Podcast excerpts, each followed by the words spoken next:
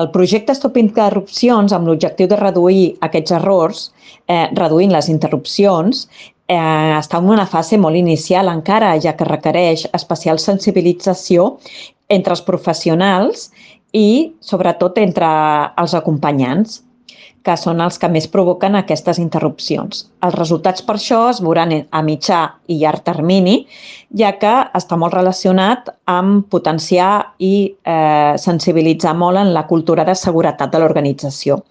Penso que aquest eh, pas ha sigut molt important en aquest aspecte.